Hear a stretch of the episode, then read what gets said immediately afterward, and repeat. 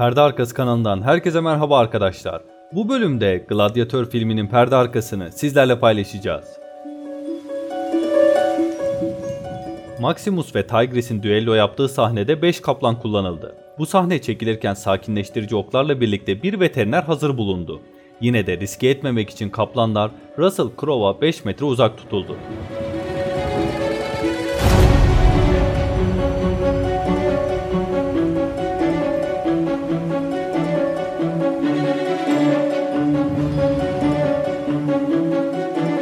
Açılışındaki Germanya Savaşı İngiltere'de Born Ormanı'nda çekildi. Kraliyet Orman Komisyonu bölgenin ağaçsızlaştırılmasını planlıyordu zaten. Filmin yönetmeni Ridley Scott da bu alanı yakmayı teklif edince memnuniyetle kabul ettiler. Savaş sahnesinin çekimlerinin tamamlanması 20 gün sürdü. Maximus'un evini anlatırken özellikle de mutfağın nasıl düzenlendiği, gündüzleri ve geceleri nasıl koktuğunu anlattığı kısım doğaçlamaydı. Russell Crowe bu kısmı Avustralya'daki evini düşünerek söyledi.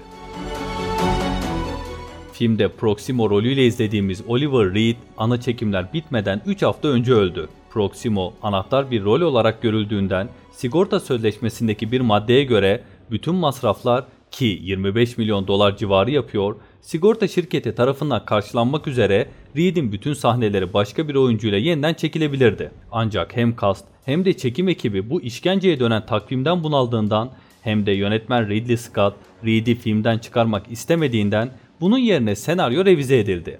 Bir vücut dublörü bulundu ve özel efektlerle de makul bir çözüme kavuşturuldu. Senaryo değişimine şöyle bir örnek verilebilir.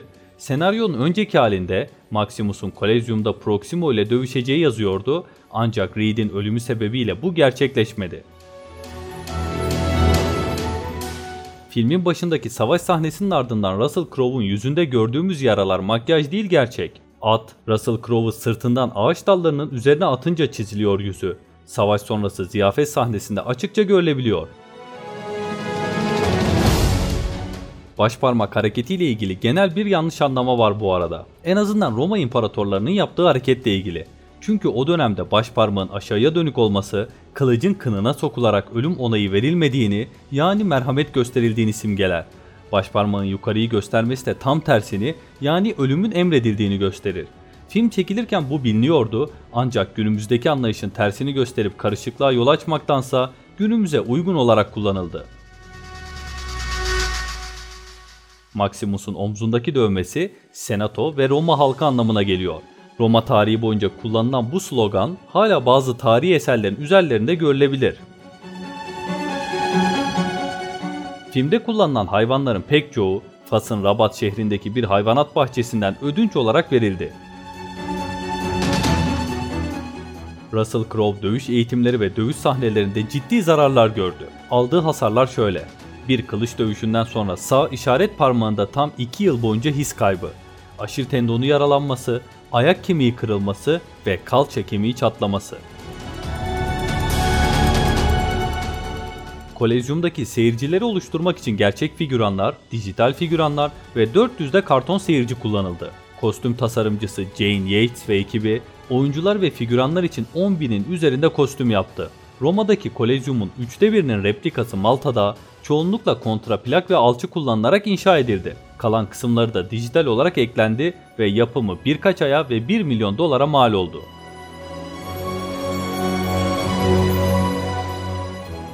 Commodus, Lucius ile arenaya inip Maximus'a bu delikanlıya göre sen Hector'un yeniden doğmuş halisin yoksa Herkül müydü der.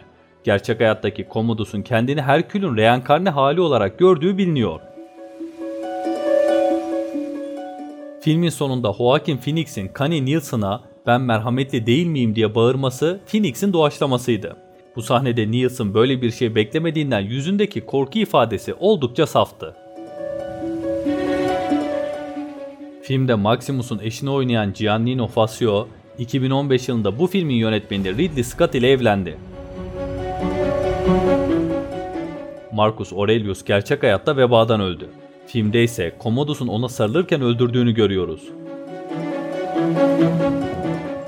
Tarihi bilgilere göre Commodus başlangıçta Roma halkı tarafından sevilse de aşırı megaloman davranışları yüzünden bu sevgi nefrete dönmüş.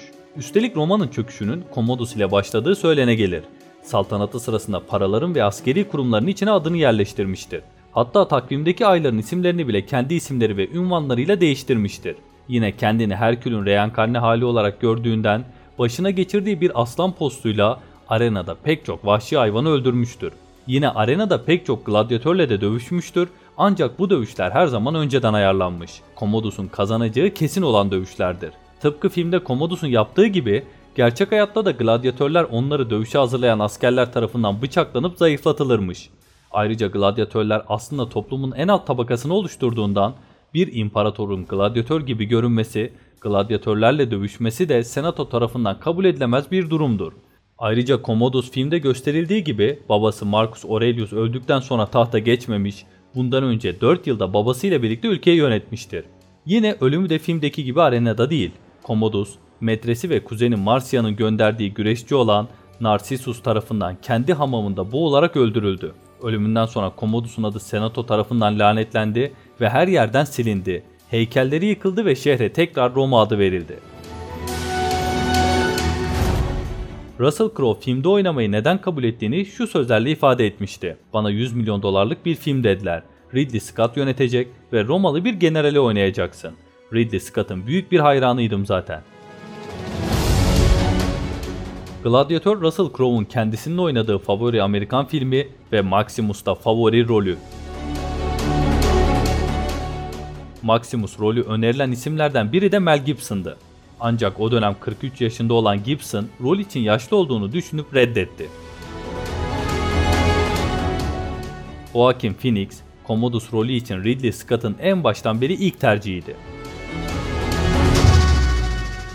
Film tam 12 dalda Oscar adaylığı çıkardı ve bunlardan 5'ini kazandı. En iyi film, en iyi ses ve en iyi görsel efekt Oscar'larını kazandı. Ayrıca Russell Crowe en iyi aktör Oscar'ı, Jenty Yates en iyi kostüm Oscar'ı kazandı. 103 milyonluk bütçesini vizyona girdikten 2 hafta sonra çıkardı. Toplamda da 460 milyon 583 bin dolarlık bir hasılat elde etti.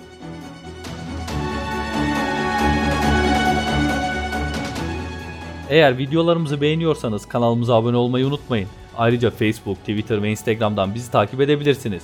Bir sonraki bölümde görüşünceye dek hoşçakalın.